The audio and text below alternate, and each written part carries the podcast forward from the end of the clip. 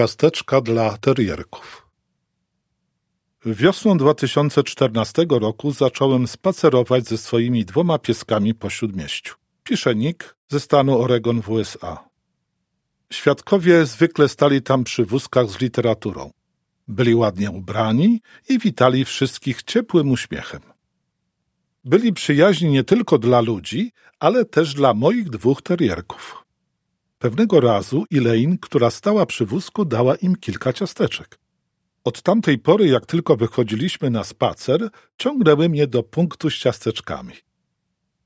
Minęło kilka miesięcy. Moje pieski polubiły ciasteczka, a ja polubiłem krótkie rozmowy ze świadkami. Ale nie chciałem się w nie za bardzo angażować. Byłem już po siedemdziesiątce i nie wiedziałem zbyt dużo o tym, w co wierzą świadkowie. Ponieważ rozczarowały mnie kościoły protestanckie, uznałem, że najlepiej studiować Biblię na własną rękę. W tamtym okresie widywałem świadków przy wózkach również w innych częściach miasta. I też zawsze byli przyjaźnie nastawieni. Kiedy zadawałem im pytania, chętnie odpowiadali na nie na podstawie Biblii. W rezultacie moje zaufanie do świadków wzrosło.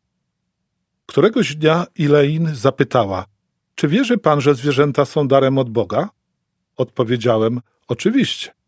Przeczytała mi wtedy księgę Izajasza 11 od 6 do 9.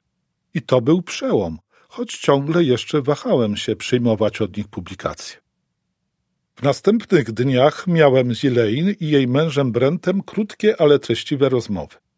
Zaproponowali, żebym przeczytał cztery Ewangelie i dzieje apostolskie, bo pomoże mi to lepiej zrozumieć, na czym polega naśladowanie Chrystusa. Tak właśnie zrobiłem.